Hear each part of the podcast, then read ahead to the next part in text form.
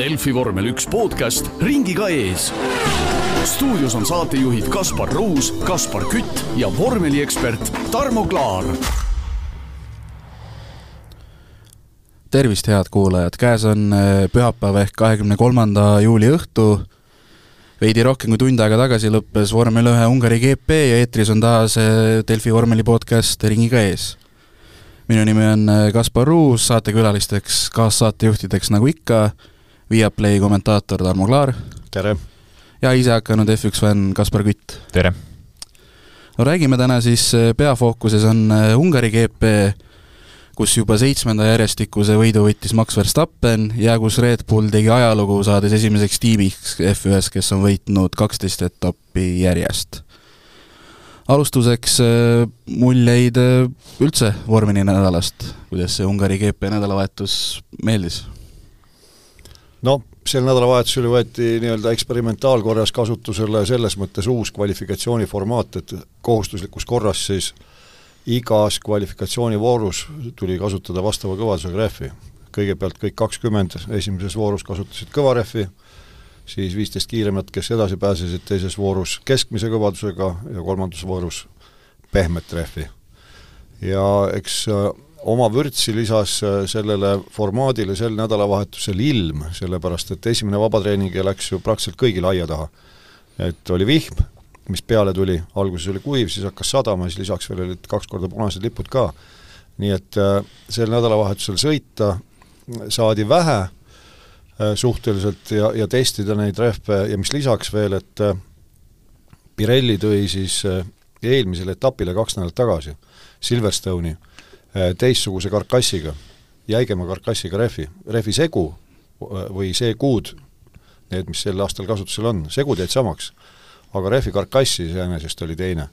ja kuna testipiirangud on, siis ega võistkonnad ei ole nüüd liiga palju saanud proovida, et kuidas äh, oma vedrustust seadistada, sellepärast et rehv teatavasti on oluline vedrustuse osa peale amortisaatorite ja vedrude. nii et või vedrustuse, noh, seal on kavalamaid lahendusi ka kui pelgalt äh, mehaaniline mingi terasvedru. et äh, eks see lõi omaette pitseri ja minu meelest äh, päris huvitav oli lõpuks see stardijärjekord. stardijärjekord oli huvitav jah, ma esim-, esimese vabatreeningu kohta mainisid, et läks paljudele aia taha, et Sergio Perezi jaoks algas nädal niisuguse nii-öelda tut-, tuttaval viisil natuke. nojah, no ütleme nii, et kui ta enne rääkis jah, väga palju, et nüüd on see revanšide nädal ja kõik tuleb nüüd eh, tagasi teha, mis tema vead on tehtud, siis tema nädalavahetus algas neljaminutilise või noh, nelja minuti järel siis kohe avariiga, et et Peresilt selles mõttes eh, täiesti perfektne algus küll nii-öelda internetisõduritele, kommentaatoritele, et eh, järjekordne hetk, kus ta näitas, et et ikka mõjub see Red Bulli raskused ja kõik see mõjub talle praegu päris rängalt. noh, pühapäevasest nii-öelda tagasitulekust räägime natuke, natuke hiljem, aga aga vabatreeningu nii-öelda algus läks tal väga luhta, jah no mina ütlen, et jätkuvalt ta ise paneb endale liiga palju pingeid peale ja see oli ju täiesti algajalik viga, et seal pärast neljandat kurvi enne viiendat ta noh, ütleme väliskurvi rattad, kurv oli paremale, vasakpoolsed rattad äh, läksid muru peale, pidurdus maa peal ja läinud ta oligi et äh, see oli noh, selline viga, mida nii kogenud sõitja nagu tema, eriti vabatreeningul ei tohiks teha, vabatreeningul sa lähedki ju testima tegelikult mm -hmm. autoseadistusi, mis sobivad sellele rajale, selle asfaldiga, nende õhutemperatuuride, niiskuste asjadega, kõik asfaldi temperatuuriga. et selle koha pealt äh, no ütleme, et ega ta plusspunkte nüüd küll ei teeninud no aga sealt ta vaikselt hakkas tõusma ja kui kvalifikatsiooni juurde nüüd minna, siis äh, Perez ise jõudis vahelduseks ka Q3-e nii-öelda, et kusjuures minu meelest see oli noh, natukene iroonia võtmes, et äh, Horner kiitis, et et Perez tegi hea kvalifikatsiooni. mõtlesin, et ohoh, et mis ta oli, üheksas meil? just, üheksas, jah. et mis ajast äh, on Red Bulliga üheksas koht kvalifikatsioonis hea tulemus? jah, et üks läbi aegade parimaid vormel üks autosid, siis tubli mees, said üheksanda koha, et, et irooniat Horner oskab seda kindlasti. Aga kvalifikatsioonis, kellel ei läinud üldse kvalifikatsioon hästi, eelmise aasta, eelmise aasta kvalifikatsiooni võitja George Russell oli, mis ta oli, kaheksateistkümnes, jäi seal liikluses toppama ja pärast oli, oli üsna pahane seal tiimi peal. noh, üks on loomulikult see, et lõppkokkuvõttes nende see strateegia, võistlusstrateegia taktika osakond otsustab ju, millal kedagi rajale saata või võistluse sees, millal boksi kutsuda kuigi võistlejad püüavad ka seal sõna sekka öelda, nagu me raadiosidest, eriti Science'i raadiosidest võistluse käigus tihti kuuleme. ja lisaks siis see, et kui võistkonnad saadab su ühest küljest valel ajal rajale ja teisest küljest kõik need äh, võistkonnad äh, noh, otsivad seda viimast, viimast äh, minutit või sekundit, millal see õige aeg on ja kui kõik seda teevad, siis mida te mehed siis ootate? et võidusõidus on ju nii, noh, kes meid nüüd juhtuvad esimest korda võib-olla kuulama, et need võidusõidurehvid tuleb üles soojendada ennem, et nad hakkaksid korralikult tööle, mis tähendab seda, et äh, nad peaksid, ehk nad ei libiseks ei kurvis, ei kiirendusel, ei pidurdusel. ja selleks tuleb vormel ühes oma protseduur läbida seal teatud kiirusega, sõita teatud rajalõikudel ja kui seal on palju rahvast rajal, siis sa ei saa seda teha. ja erinevad käitu-, autod ka noh, nõuavad erinevat sellist ettevalmistust ja ja kui sul lõpuks ongi selline tipptund, siis äh, rehvid on külmad ja aega ei tule. meenub üks, äh, kas see oli kaks tuhat kakskümmend üks Itaalia GP-l, kus äh, kvalifikatsioonis kümmekond kümmekond sõitjat seal eh, proovisid kõik, et saaks nii-öelda viimasel hetkel alustada seda kiiret ringi, aga lõpuks ei jõudnudki alustada. oli vist Itaalias või? Itaalias see juhtus kindlasti aasta, võis, võis olla ka vabalt kakskümmend üks või midagi sarnast jah, et eh, jäid seda perfektset hetke ootama ja sa jääd ootama ja ootad ja siis magadki maha, et see on nii sekundite ja. küsimus ka. aga kvalifikatsioonist eh, ütleme nii, et esikohale käis väga põnev heitlus ja mis seal Lewis Hamilton sai oma üheksanda kvalifikatsioonivõidu Ungaris Äh, selle aasta esimese, ta vist ka eelmise, eelmisel aastal ta vist ei, ei saanud ühtegi, et see oli üle vist jah, pooleteise aasta või isegi jah, enam-vähem pooleteise aasta esimene, esimene stardikoht. see oli aasta ja kaheksa kuud vist, et äh, kas see oli detsember kaks tuhat kakskümmend üks, viimati ta võitis kvalifikatsiooni. ja vahe Verstappeniga oli null koma null null kolm sekundit, et äh, enam väga napimaks ei lähe need vahed noh, saab ikka minna veel kaks tuhandikku veel, aga noh, tuhandiku täpsusega seal vormel ühes mõõdetakse, aga see oli tõesti põnev ja intrigeeriv ja, ja just seeläbi, et äh, ei olnud liiga palju informatsiooni selle kohta, kuidas need rehvid autode all käituvad võistlusdistantsi pikkuselt. ja see tegigi kindlasti, ütleme, et kvalifikatsioonil oli kindlasti ka see eelis, et või see põnevus juures, et Alfa Romeod olid äkitsi nii-öelda väga, väga konkurentsis et Joao, Joao Guanyu tegi oma karjääri parema, parima tulemuse viienda kohaga.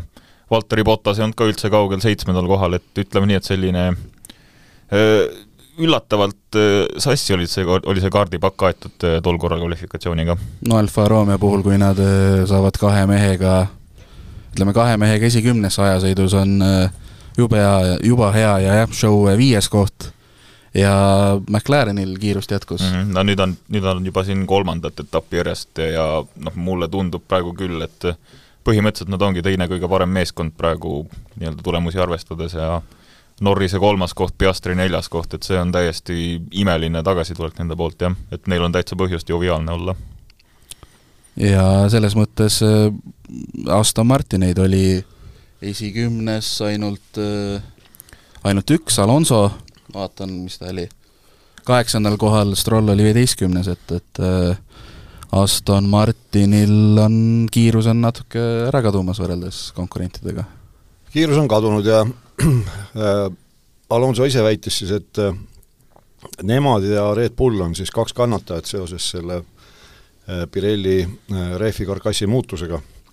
noh, kuidas nüüd äh, selle Red Bulliga on, no siin võib ju vaielda, eks ole aga noh, veel kord, kuna tõepoolest on osa vedrustusest ikkagi on see rehv, siis ta ka ju vetrub, tegelikult ka, see on ääretult oluline, mida see rehv seal all teeb, siis äh, see võib ka tõsi olla, jah. aga kuskil on nüüd siis keegi midagi õigesti teinud ja tõesti, see on hämmastav, nii nagu Nico Rosberg, kes intervjueeris seal esikolmikut täna, küsis, et et kuidas te äkki poole hooaja pealt siis sellise vormi olete leidnud. aga noh, ongi uskumatu omaette, et vormel ühes tavaliselt äh, midagi sellist äh, noh, väga sageli ei juhtu, eriti tänasel päeval, kus on testipiirangud, õigemini, mis testipiirangud, sa ei tohigi testida. et äh, see on tõesti üllatav selline tõus McLarenil ja kui vaadata praegu seda, et üksteist etappi jääb veel hooaja lõpuni, siis kus kohas seal noh, ülekande lõpus ma seda tõin välja ka, et ütleme, Red Bulli ja Mercedese selja taga nüüd ei ole sugugi kindel, või, või ka üldse Red Bulli selja taga ei ole, sugugi kindel, et hooaja lõpuks see järjestus selliseks jääb meeskondlikult, nagu ta praegu on, see pingerida. jah, Red Bull, noh, Red Bull on pikalt eest ära, seal ei ole midagi, aga Mercedes, Aston Martin, McLaren, jõudude vahekorras siin võib ju selles mõttes üsna, üsna võrdses seisus on kõik praegu, et Aston Martin võib ilmselt väga ohustatuna tunda endast, kui, et kui Norris ja Piastri siin mõlemad siin stabiilselt top viie kohti sõidavad ja Alonso Norris siin vaevu üheksandale, kaheksandale pretendeerivad, siis tegelikult see, see vahe tehakse väga kiiresti tasa juba. no ütleme jah, McLarenil on punkte siis hetkel äh, kaheksakümmend seitse, Ferrari on neljas saja kuuekümne seitsmega, et seal neljanda-viienda koha vahel on veel punktide mõttes on suur vahe, aga samas McLaren on kaks etappi järjest Lando Norrise näol olnud siis teisel kohal, nii et äh, nii-öelda. et kui niisugune asi jätkub neli-viis etappi, siis ongi juba täiesti uus mängumaa jah, et, et väga põnev saab olema. Äh, kvalifikatsioonist küsime nii palju, et äh, olgu siis mainitud, et Daniel Ricciardo on meil nii-öelda võistlusvormis ringrajal tagasi, et Alfa Tauris sai ta siis ütleme nii, et naasis siis äh, Alfa Tauri tema jaoks siis endise Toro Rosso ridadesse, Nick de Vries sai kinga, et äh, mis mulje Ricciardo kiiruse poolest kvalifikatsioonis äh, jättis? no vara, vara midagi öelda selles mõttes, et et ma küll, vabandust, segasin vahele, aga noh, ma arvan, et sa tahtsid öelda, et täitsa okei okay, mm, -hmm. no oligi täitsa okei okay,, sellepärast et äh, ta ei ole saanud ju seda autot üldse testida. et veel kord, noh, testid on olematud, ei ole sellist asja, et äh, saad teada, nüüd sa sõidad poolest ajast mingisuguses võistkonnas ja siis äh, lähed rajale ja, ja lähed ja nühid ja, ja teed auto omale käepäraseks, et selles suhtes ta ütleme niimoodi, et äh, täitis oma ülesande, näis, mis edasi saama hakkab. jah, arvestades seda, et äh, Ricciardo ja Tsunoda mõlema suurem eesmärk on kindlasti Red Bulli saada, siis see esmane nii-öelda võitlus ongi just oma tiimikaaslasega ja vahe oli küll esimeses kvalifikatsioonis, kus siis Tsunoda välja langes ja Ricciardo edasi sai, siis vahe oli ütlemata väike, see oli vist üks sajandik. et aga siiski juba tiimikaaslasest parem ja see on tegelikult äh, kõik, mis Ricardo jaoks praegu loeb. no kes vaatab kvalifikatsiooni tänasel päeval, siis äh, tegelikult seal Red Bulli selja taga noh, ongi selline võrdsus majas, et äh, lõpuks see, kes pääseb või kes langeb välja, ütleme siis niimoodi, esimesest kvalifikatsioonivoorust, need viied, viis õnnetut, sõltub suuresti sellest, et kui õigel ajal keegi rajale läheb. et see konkurents on niivõrd tihe ja nii vähesest sõltub, mis on omaette meeldiv muidugi. ja seekord oli nii-öelda viie viimase seas oli eh, neli tiimi esindatud, Williams oli siis ainus, kes, eh, kellel ei saanud kumbki sõitja Q2 nii-öelda, et eh, Albon ka seekord piirdus kuueteistkümnenda ajaga. aga ka napilt. aga ka napilt, jah.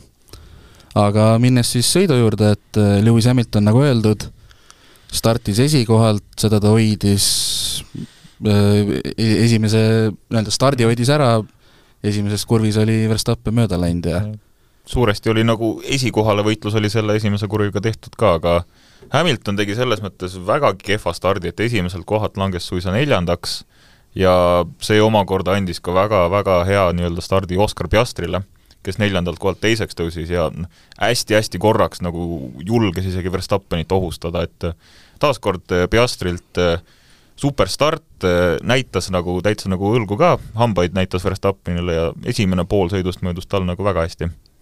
no naljalt sa ei tule alamastme sarjades kolm aastat järjest erinevas mm -hmm. sarjas meistriks, et äh, seal on konkurents ju väga-väga tihe, autosid on palju rajal, noh, põgusalt ilmselt räägime vormel kolmest ka, mille kohta ma ütlen kohe, et kahjuks mul ei olnud seda sel nädalavahetusel väga aega jälgida, sest ma olin oma töö läbi seotud ka natukene Rally Estoniaga.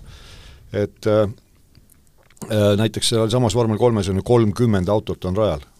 et äh, sa pead äh, ja stardirüsinas, sa pead sealt puhta nahaga välja tulema ja Piastri näiteks täna tegi ju selles mõttes tõesti superstardi, et positsioneeris oma auto hästi, läks ise kurvi ja noh, läinud ta oligi. ja teisipidi noh, seal see stardimäsu, mis oli, kui õigesti mäletan, selle kor-, korraldas äh, Show vist, jah? see on üks erakordselt äh, lahe lugu sellest, kuidas Show, kes siis alustas viiendalt kohalt, suutis põhjustada õnnetuse, mis võttis sõidust välja viieteistkümnenda, kuueteistkümnenda koha mehed, et et erakordne juhus või noh, erakordselt lahe start, et Show siis ja ma, lihtsalt magaski stardi maha selles, mis ei olnudki mitte midagi muud mehaanilist vist, et reageeris hilja, langes oma kümme kohta, siis sõitis Ricciardole niimoodi, müksas natuke tagant sisse kes omakorda siis sõitis kahele alpiinile sisse ja oligi alpiinide mõlemat sõit oli rikutud, et äh, selliseid asju ei näe ka väga tihti, kuidas? ega ei näe jah, ja praegu on liiga vähe möödas sellest etapist, et teada täpselt, mis seal juhtus, et kas tal jälle ütleme, oli seal äh, väike motoorne rahutus äh, seal näpumängu osas või et vajutas show siis va,, vajutas valel ajal vale, vale klahvi, seda on ju juhtunud, et ta lülitatakse sisse see stardis äh, kiiruspiiraja mm. -hmm või, või juhtub veel, veel midagi veidrat, sellepärast muuhulgas siis äh, Hamilton on hakanud ju ka startima niimoodi justkui väga lebalt on käsi rooli peal, aga tegelikult sellel on oma põhjus, et, et mitte seal äh, valesid nuppe erutusest vajutada. no show puhul jah, ta sai veel siis, äh, kui ma ei eksi, viis sekundit aegaristust, aga tänu tema nii-öelda plähmerdamisele Alpiini Pierre Gasly, Esteban Oconi jaoks oli äh, Ungari GP sellega lõppenud. ja Ocon ju eelmisel aastal, oli eelmisel aastal, kui ta võitis Ungari? üle-eelmine. üle-eelmisel, üle-eelmisel. et, et äh, päevad ei ole vennad, läheb, läheb seekord niimoodi. no mootorisport jah, ja samas äh, kukkus ju, minu meelest Ricardo kukkus ju täitsa võist-, võistlejate rivi lõppu, eks ajutiselt küll jah, pärast ja. seda õnnetust, et äh, seda enam tuleb ka Ricardol natuke mütsi nii-öelda kergitada, et, et ta tegi väga pika nii-öelda seansi siis keskmiste rehvide, vist pikem kui keegi teine rajal, et nelikümmend ringi sõitis nende, mis lõpuks olid ikka väga kulunud, aga ta, ta sõitis selles mõttes väga stabiilseid ringiaegu ja ja tuleb selles mõttes öelda, et kindlasti tundub praegu, et parem otsus kui De Vriesiga jätkamine, kuivõrd, kuigivõrd karm see asendus tundus alguses nojah, kui De Vriesist rääkida, siis eh, noh, selles mõttes ma saan muidugi aru eh, Red Bulli juhtkonnast, eelkõige Helmut Markost, et eh, nad ütlesid ka otse välja, et neil oli sisemine heitlus, Kristjan Horner, kellel ikkagi on sõnaõigus ka seal Alfa Tauri poole peal, temal, tema ei olnud vaimustuses De Vriesist. eks tal olid omad põhjused kindlasti, noh, esiteks De Vries pole üldse nende kasvandik ju ja, ja nad lootsid, kui ta, kui ta palgati, lootsid sellele, et äh, mees on ikkagi kakskümmend kaheksa aastat vana, ta on vormel kahe meister, ta on äh, vormel E-meister, äh, vormel E-meister, ta on sportprototüüpidega sõitnud, tal on tohutut kogemust süle ja seljaga, et selle kogemuse najal noh, võistkond võidab palju ja kindlasti on ta selline võistkonna liider, aga mitte midagi sellist ei juhtunud. ja noh, paraku ongi niimoodi mootorispordis, et sa võid ju olla alamastme sarjades väga kõva käpp, aga millegipärast sul kuskil seal äh, päris tipu lähedal noh, enam ei tule välja, miks mm., vot, vot ei tea, aga see, ei tule. selles mõttes jah, et De Vries ei ole meil selles mõttes tavaline kollanokk, et, et see nii-öelda tavaline sümpaatia, et ta alles alustab eh, vormelite sarjas ja see ei kehti temale, et Red Bull tegi vist kunagi ammu Sebastian Burdesiga täpselt samamoodi, kes oli täitsa indikaari maailma, indikaari meister USA-s ja mitmekordne, mitmekordne lausa jah, ja siis tuli eh, vormel üks sarja, pidas siin ka napid üks või kaks aastat vastu, kuni siis äh, tehti täpselt samamoodi, nagu De Vriesiga tehti ja keset hooaega välja vahetati, nii et jah, et see põhjendus on täpselt see, et nagu oli Bordeega omal ajal, et et nii kogenud sõitja, et noh, sealt peaks nagu kohe tulema, aga ei tule. ja muidugi mina olin üllatunud, et see vahetus tehti nii ruttu ära. mina arvasin, et De Vriesil lastakse nii-öelda suvepuhkuseni sõita, aga noh, teisest küljest tõesti, et miks seda kummi siis venitada, mhm. et äh, teeme selle, mis me seda koerasaba mitu korda lõikame, teeme ükskord saps-sarapp ära ja valmis. ja Helmut äh, Marko ütleski vist otse välja, et äh, miks ma peaks kaks etappi veel ootama, et ta näeb, et sealt asi paremaks ei lähe ja ja jah, seda ta ütles ka ja et, et et on, on vahe sees, kas sul on debüüthooaega teeb kahekümne kaheksa aastane siis Terri või, või noh, a la Logan Chargent või keegi, keegi hoopis noorem, et jaa, absoluutselt. ja noh, muidugi see ka huvitav jälle tagantjärgi, et üldse vi-, viitsiti jahmerdada äh, Ricciardoga, sellepärast et seda on ju nüüd jälle meenutatud. et algul lekitati, siis meenutati ja nüüd meenutati jälle, et kui Ricciardo esimest korda Red Bulli simulaatorisse üle aastate istus, siis nad ei tundnud meest ära et tal oli niivõrd palju nagu veidraid harjumusi külge tulnud ja McLarenis ja Renault's ja jah mm -hmm., et äh, tal ei olnud üldse kiirust. aga, ja ei olnud, ei olnud ka enesekindlust. aga see kuidagi tuli tagasi, et äh, noh, Horner ütles, et ega lõppude lõpuks ta tuli ju tagasi koju, et meie oleme ta üles kasvatanud, mis tõesti vastab tõele, et kui ma võin siin paljudega vaielda, äh, Verstappen ei ole Red Bulli sajaprotsendiline kasvandik, nagu ka ei, ei ole tegelikult Vettel, nii et nende maailmameistrid ei ole sajaprotsendilised ka-, kasvandikud, Vettelile äh, andis tuule tiibadesse BMW omal ajal äh,. Verstappen on oma isa kasvandik, lihtsalt nad ootasid ja. Äh, paremat äh, pakkumist ja kuna äh, siis Red Bull lubas, et poiss saab sanga, vabandust, saab rooli, proovime žargooni vähem kasutada, saab rooli kohe järgmisel hooajal pärast vormel kolme äh, kas tol ajal oli veel Toro Rosso, jah? Toro -hmm. Rossos mm -hmm. Ja Mercedes oli selline noh, ebamäärane, siis nad valisid kindla tee. ja noh, ülejäänud on ajalugu, nagu öeldakse. aga ütleme, Red Bull on ju noh, oma nii-öelda noortesüsteemi üle uhke nii, aga nii-öelda valiti ikkagi Ricardo lõpuks, et Liam Lawsonit või keegi nooremat, et seal ei ole ju äh, ütleme, noorematele ongi Tsunoda on viimane, kes sai võimaluse, De Vries toodi ju ka nüüd, hooajal oli selles mõttes Alfa Tauris oli üks koht vaba, aga toodi süsteemist väljas hoopis kogenum sõitja, et no eks nad näevad, et praegu ei ole sellist nagu sada protsenti küpset meest ka, keda panna sinna Alfa Tauri rooli, et Ricardo on selles mõttes nagu mõneti riskivabam valik jah, et ta toob endaga kaasa ka nii palju sellist fännide heakskiitu ja ja üldist populaarsust, pluss lihtsalt sõidukogemust, et praegu tundub see täiesti nii-öelda loogiline valik no ausalt öelda ma arvan, et see fännide populaarsus on neil täitsa kamakaks, et pigem oli see teema just, et see, see kogemus. Et ta on olnud nüüd kahes erinevas vormel üks tiimis pärast äh, Red Bulli, ta on väga kogenud vend, palju ta on meil, kolmkümmend kolm? kolmkümmend kolm, jah. hiljuti sai kolmkümmend kolm, et äh, just selles seisus, kus Alfa Tauri praegu on, nad lootsid noh, tegelikult ka De Vriesi peale, et äh, auto arendamisel on venna, vennast abi äkki sel-, just seeläbi, et ta on väga erinevate autodega sõitnud üldse ringlada. ja, ja Ricardo noh, vormel üks võistkondades olnud kolmes erinevas kokku koos Red Bulliga.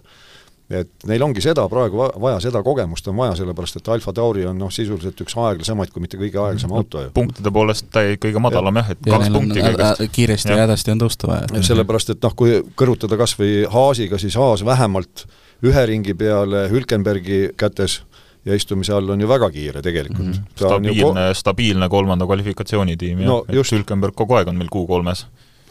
jah, seekord oli ka kümnes mm. -hmm. Aga sõidust, sõidust edasi rääkides, et, et olgu siis ära öeldud, et Verstappen võitis, Lando Norris oli teine ja Sergio Perez siis, kelle nädalavahetus algas nii, nagu ta algas, nagu me enne meenutasime, siis äh, lõpetuseks tõusis üheksandalt kohalt kolmandaks ja valiti fännide poolt ka päevasõitjaks.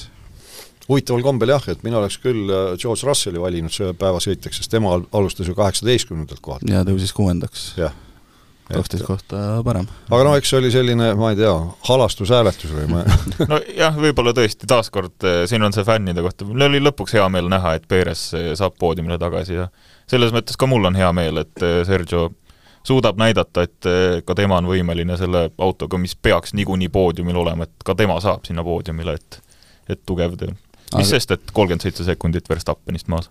Äh, jah, äh, Verstappeni Verstappen siis võitis, õigemini edestas Norris siis kolmekümne kolme sekundiga ja, ja ma, millal ta esimest korda boksis käis, kakskümmend neljas ring äkki, midagi sellist, et juba, juba selleks ajaks oli seis selline, et ta võis rahulikult boksis ära käia, oli liider tagasi, mingit kohalangust midagi ei olnud, et mhm. no see oli nagu, see, see oli täiesti tüüpiline selle aasta sõit Verstappeni poolt jah, et jah, kuigi see..., kuigi ennem starti oli natukene segane see seis, et äh, ega nad äh, noh, ma julgen väita, et äh, pärast kvalifikatsiooni tegelikult ja kui ta andis intervjuu, ega see kehakeel nii väga noh, ma olen nüüd kehastunud ise kehakeele eksperdiks, eks ole, et ega see kehakeel väga enesekindel ei olnud ta oli ikka päris häiritud olekuga seal, kui ta andis intervjuud, sellepärast et äh, nüüd täna pärast sõidu, sõiduvõitu siis ta ütles, et ega neil sel nädalavahetusel ühe ringi peale kerge autoga oligi väga raske sõita, sest auto tasakaal kogu aeg lii-, liikus, noh, mis tähendab siis seda, et kord on sul auto alajuhitav ja kord on, kord on ta ülejuhitav mingitel rajalõikudel, et ei ole sellist stabi-, stabiilsust.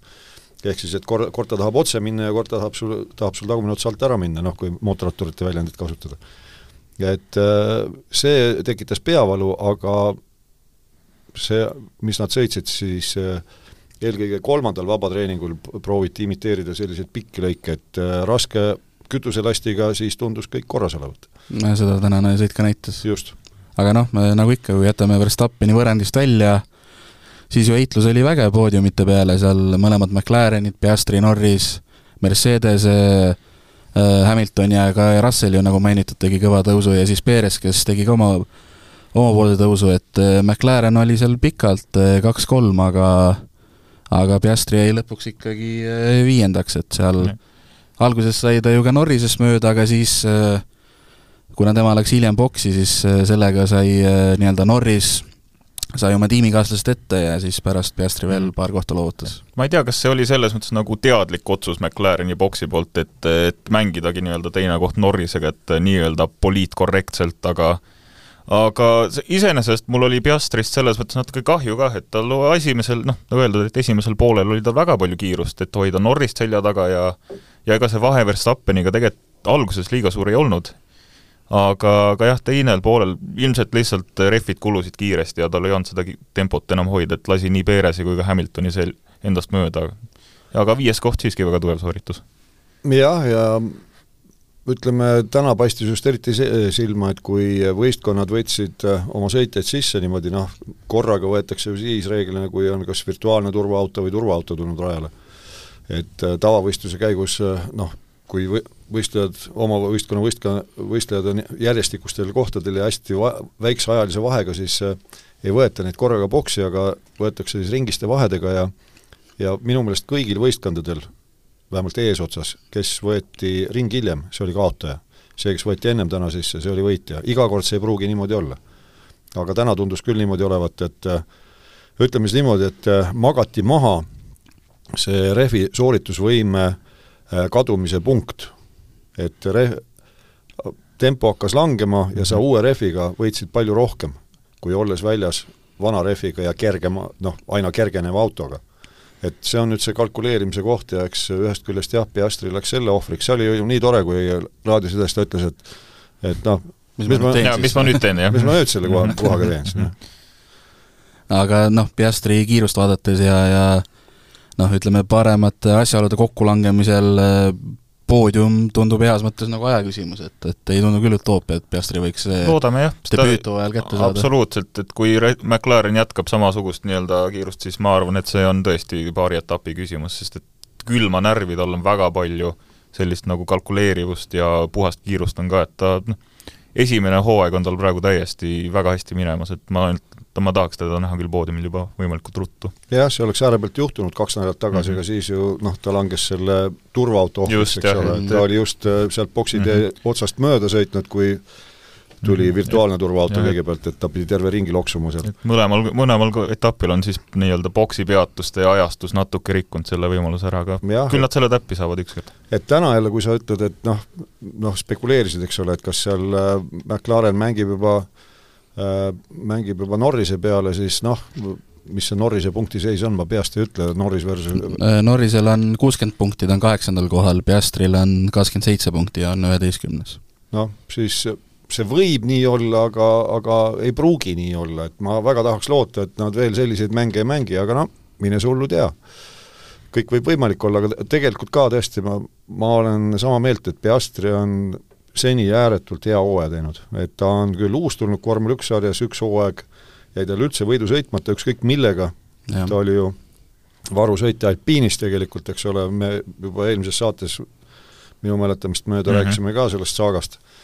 Aga see ei ole ta sugugi morjendanud ja, ja ta on oma kiiruse säilitanud, nii et äh, selle koha pealt on kõik hästi ja just see, et äh, kuidas ta oskab äh, situatsioone lugeda, see noh, kasutades pallimängude väljendit, et väljaku lugemine on tal väga hea minu meelest. samamoodi nagu stardis on Strollil väga hea väljaku lugemine reeglina, aga võistluse sees mõnikord tekib tal seal lühiskõrvade vahel.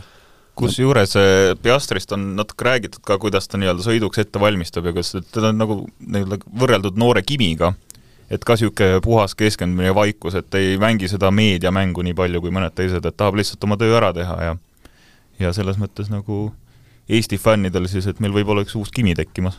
muide, selle koha pealt, et kuidas keegi valmistub, äh, mul tuleb meelde, et omal ajal, kui Gerhard Berger oli koos äh, Arton Sennaga ühes võistkonnas, siis äh, noh, Senna oli ka selline tohutu, nagu Michael Schumachergi, selline tohutu siis tehnilise informatsiooni friik, et uuris seda telemeetriat vasakult paremale ja paremalt vasakule, ülevalt alla ja igati kanti ja ja siis, aga Berger oli rohkem elumees. Ja, ja Berger mõtles, et noh, et aga ta äkki jah, et peaks ka rohkem niimoodi hakkama ette valmistama, et siis tulemused paranevad ja, ja mis välja tuli, no et jätab selle sellise lõbusama mm, -hmm. lõbusama elu kõrvale, mõjus vastupidi. Ja kui hakkas jälle niisugust pool playboy elu elama, siis äh, olid tulemused palju paremad, nii et äh, lühikokkuvõtte kuuldust on see, et me oleme kõik nii erinevad, et mm -hmm. ei saa võtta niimoodi üks-ühele, et oi, see on maailmameister, ma pean nüüd täpselt samamoodi tegema, siis ma saan ka maailmameistriks. ei pruugi, võib, aga ei pruugi esikuuiku järel siis ütleme, lõpetame esikümne ära, et seitsmes-kaheksas Ferrari mehed Leclerc ja Sainz ja üheksas kümnes siis Aston Martinist Fernando Alonso ja Lance Stroll.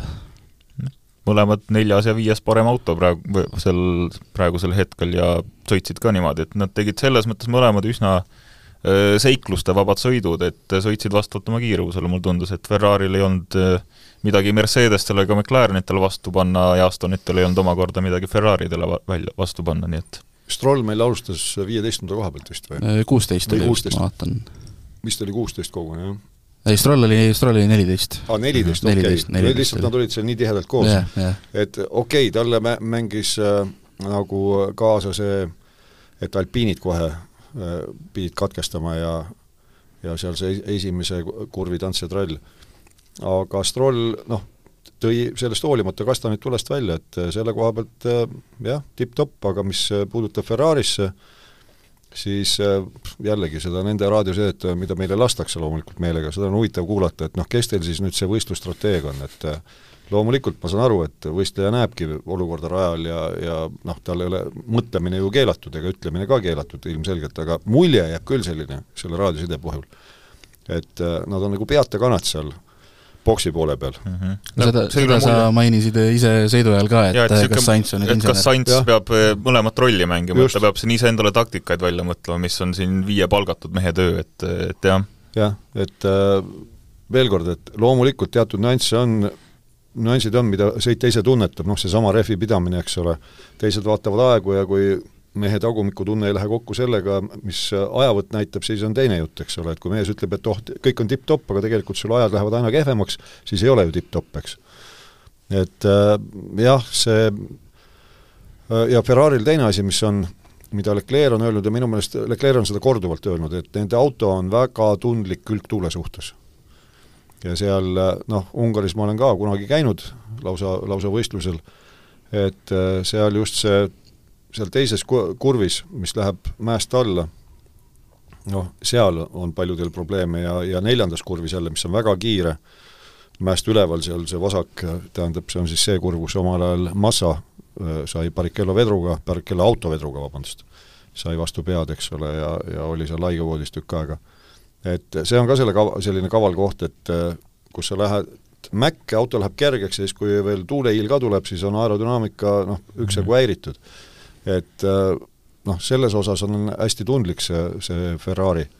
ja paistab tõesti, et neil nüüd sellist tippmist kiirust ei ole, et äh, ise, isegi Mercedes paistab tõepoolest olevat äh, kiiruse leidnud selles mõttes, et nii jahedates kui ka pa-, palavates oludes, sest täna, täna oli ju palav. ja kiirust ju oli mm, -hmm. jätame jälle Red Bulli kõrvale. no Nico Rosberg äh ütles, minu arust sõidu eel vist andis Sky Sportsile kommentaari, kus soovitas, et Ferrari pealik Fred Vasseur võiks äh, hakata teistest tiimidest nii-öelda taustajõutalente üle ostma, et saaks, saaks selle Ferrari ka nii-öelda esikohaheitlusele lähemale.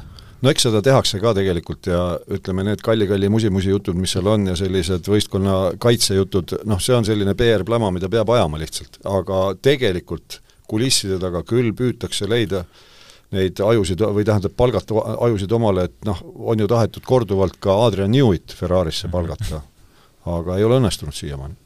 ei näe ka, miks ta peaks praegu tahtma Red Bullist lahkuda, et mis raha, mis raha veel, see peaks olema, et Newi saada Ferrarisse? eriti veel, kui nagu mina olen koguni kaks korda läbi, läbi lugenud tema raamatu How to build a car, mitte racing car, vaid car, aga ta räägibki noh, tema elulugu ja, ja mi-, noh, oma olemusest, oma perekonnataust, kõik, ta ongi selline vaba hing. et äh, ma ei kujuta ette, milline piin tal oli omal ajal Ron Dennis juhitud McLarenis olla, et noh, kus kõik asjad pidid olema joonlauda mööda ja ja kõik oli sellistes hallides toonides ja mm -hmm. kõigil olid juuksed ka maha aetud ja kõik äh, mida, mida iganes, kõik oli, kõik oli niimoodi raamatu järgi, nagu öeldakse. et äh, jah, ja teades seda, mis seal Ferraris toimub, kui liiga palju itaallasi on, siis noh, milleks ta peaks sinna minema, sinna ütleme, sellesse süüdistamiskultuuri. et seal ju pidevalt otsitakse nagu süüdlast, eks ole mm. -hmm. et äh, eriti noh, sellest ajast ka, kui meenutada, et Jean Dott oli selles mõttes kõva mees, et Team Schumacheri ta hoidis kogu sellest äh, muust tantsust ja trallist kõrval, tema oli see filter või see müür, kuhu, kuhu jäi kõik ülejäänu pidama, et äh, Team Schumacher sai rahulikult oma tööd teha. ja kui sul on äh, auto, mis võidab äh, kaksteist etappi järjest, mis on F, F1 rekord, ja tegelikult kui jätta vahele eelmise aasta Brasiilia GP, siis on Red Bull võitnud viimased ma peast siin kiirelt loen praegu kakskümmend, kakskümmend pluss, kakskümmend üks, kakskümmend kaks etappi, et no just, et kui sa oled noh, sa oled tunnustatud, sa oled edukas, sa oled oodatud, hoitud ja kaitstud selles võistkonnas, no milleks seda vaheldust, lihtsalt et teravaid elamusi saada või? Et elu on liiga hea, et noh noh, Ferrari. jah, Ferrari jah, et sa saad vähemalt linnukese kirja, et ma olen mm -hmm. töötanud Ferraris. see oli vist, mäleta, kas see oli Sebastian Vettel või kes ütles, et isegi kui sa Ferraris ei sõida, siis iga, iga, iga sõitja nii-öelda Ferrari fänn, et no väidetavalt jah mm -hmm., kusjuures ega minu meelest Hamiltonil on ka üks tema autodest, oma kollektsioonis on ka Ferrari mm. -hmm. Sõidu poolest veel tahate kedagi kiita, kedagi laita, jäi keegi nii-öelda eredamalt no, silma? Piastrit juba kiitsime. Show'd laitsime. Show'd laitsime. Show'd laitsime ja ähm, Russell, Russell tubli poiss mm. -hmm. ja noh, ega siin rohkem nagu ei oskagi otseselt keda, kedagi nii väga sära, säravat esile tuua ja, ja võitlust oli ka ja ping-, pinget oli tegelikult, et selles mõttes ei saa öelda, et oli selline ta-, tüüpiline mingisugune igav Ungari protsessioon mm. -hmm. minu meelest ei olnud. ei, siin oli möödasõite ka, et tegelikult Sergio Perez, noh, üks põhjus, miks ta võib-olla sai siin päevasõitjaks, oli see, et ta tegi päris paar sellist ilusat möödasõitu ka, nii Piastrist kui ka kui ka Hamiltonist vist, et, et selles mõttes nagu jah, ei olnud selline tüüpiline üksteise taga kulgemine, et siin nagu neid jagus möödasõite ka. ja noh, Perez ju tegelikult lähenes ka Norrisele, aga lõpuks mm -hmm. no ilmselt rehvid said otsa. jah, niisugune mulje küll, jah ja aga Hamiltoni hoidis ilusti selja taga ja poodium käes. et, et äh, jah, ja nagu enne öeldud, Daniel Ricciardo siis kui ta seal sõitjate rivist tahapoole langes, siis nii-öelda oma ajasõidukoha sõitis tagasi, et siis kolmeteistkümnes koht käes ja et temalt võib selles mõttes nagu punkte loota küll, et siin Toro Rosso võib vaikselt vaadata, et äkki saab ikka selle üheksanda koha tagasi püütud. aga mainime siis ka ära, et äh, taaskord võistles äh, Paul Aron meil F3 sarjas, et sprindisõidus neljas, põhisõidus nüüd pühapäeval oli viies ja kokkuvõttes jätkab seal neljandal äh, kohal, et ütleme, kohad teine kuni viis-kuus on seal üldarvestuses äh, väga tihedalt, et, et äh, mis ta on, mingi kümne punkti sees vist või, või midagi sellist? Vaatan kohe üle, ma tean, et ta on vii-, ta jagab nii-öelda neljandat kohta. et üldjoontes oli jah, selles ja. mõttes tüüpiline aronlik sõit selle hooaja põhjal, et stabiilne Eh, kahjuks selliseid väga suuri momente või noh, väga selliseid silmajäävaid momente ei olnud, aga stabiilsed punktid tõid koju, aga nagu me oleme ennegi maininud, siis jah, et selliseid säravaid momente, selliseid tõeliseid nii-öelda staarimomente, et silma paista, peab, peab ikka juurde tulema. no seal jällegi korduvalt räägitud, et seal on ju konkurents on nii tihe, neid on kolmkümmend tükki rajal, et kvalifikatsioon mängib tohutut rolli, et kust kohast sa ikkagi stardid. ja noh, loomulikult see raja iseloom ka ja kõik, et ega see Ungari rada keskmine osa on selline voolav, eks ole, kus kõik sõidavad enam-vähem ühte trajektoori, seal väga nokkima ei minda ja siis, kui sa oled seal DRS-i rongis, noh, siis, siis sa tihtipeale seal oledki, et et selle koha pealt jah, see kvalifikatsioon on vaja saada naelapea pihta, aga see on paganama keeruline seal vormel kolmes.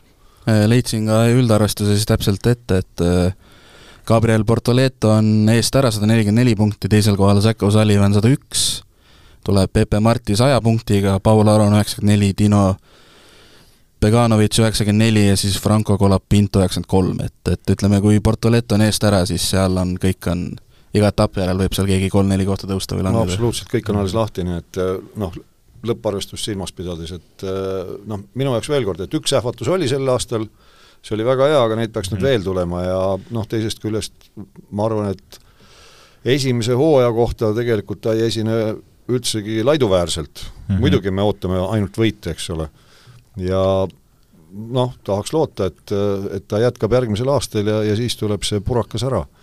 et veel kord, siit väiksest riigist minnes tahad saada, kui tahad saada vormel ühte, siis sa pead nendes alamastme sarjades korralikult särama mm. -hmm. eriti, kui sa oled väikerahva esindaja. et äh, seal soovitavalt pead sa teistest peajagu üle olema. No Paul Aronit näeme veel järgmisel nädalal äh, spaaringrajal Belgias ja pärast seda ongi jäänud ainult üks etapp neil veel, et äh, Monsas septembri alguses. Mm. põhimõtteliselt nii-öelda tiitel on läinud, aga teine koht ja säravad esitlused on veel täiesti püüda, et tulebki need kaks etappi viimast võtta. jah, et neli starti kokku. jah, neli. et ootame nelja võitu nojah, ideaalis loomulikult nagu hooajale võidu ja nii-öelda üldarvestuse esikolmiku kohaga punkt panna oleks, ma arvan, väga okei okay,, jah mm. -hmm. eelkõige, jah, realistlikult eelkõige hoida nina puhtana ja teha väikse soorituse ja me oleme iseenesest rahul. Äh, Ungari GP kohta veel äh, miskit mõtteid, midagi? suuresti ei ole selles mõttes jah, et äh, järjekordne sõidunädalavahetus selja taga ja selle hooaja kokkuvõtlikult et öeldes jah, et Verstappen võidab niikuinii, aga selja taga toimuvad igasugu põnevad asjad, et ei ole päris see, et äh, igav ja mõttetu hooaeg, nagu paljud ütlevad. jah, nädala pärast äh, siis Belgias jälle ja siis on nii-öelda kuu aega pausi. siis hakkab siis see on, kurikuulus suvepaus jah, kus ei tohi liigutada ega, ega käia kordagi vabrikus. jah, mis on, mis on igati põhjendatud, et sel mm -hmm. nädalavahetusel ma olin just äh, koos seal Lõuna-Eestis koos oma tehnilise toega, kes siis seitse hooaega töötas vormel ühe juures, äh, tähendab, Shelly Leival äh, tege-, tegi kõigile Ferrari klientidele, kaasa arvatud Ferrari võistkonnale kütuse ja õli analüüse, et äh, kõigil etappidel ei käi-, ei käinud kaasas, aga töötas siis mobiilses selles laboris kuueteistkümnel etapil hooajast ja, ja ütles veel kord, noh, rääkisime asjad üle, ütles, et see on vallaliste val-, vallaliste amet töötada vormel ühes, tema ka, kui ta tahtis ikkagi pereelu elama hakata, siis äh, ta lõpetas ära selle.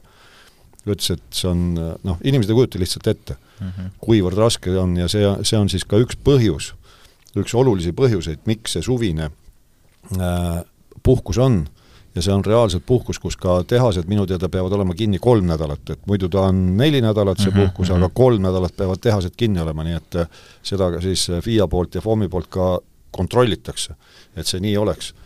ja põhjus just nimelt selles, et eriti tänasel päeval, kus see kalender nüüd on nii üüratult pikk, et äh, eelmises saates just närisin tähte, eks ole, et tegelikult noh, on ju üks kuu ainult vaba järgmine mm -hmm. aasta, vormel ühe vaba mm. -hmm. jah, jaanuar. et e esimene etapp hakkab ju veebruari lõpus, eks ole, vabatreeningutega ja lõpeb detsembris.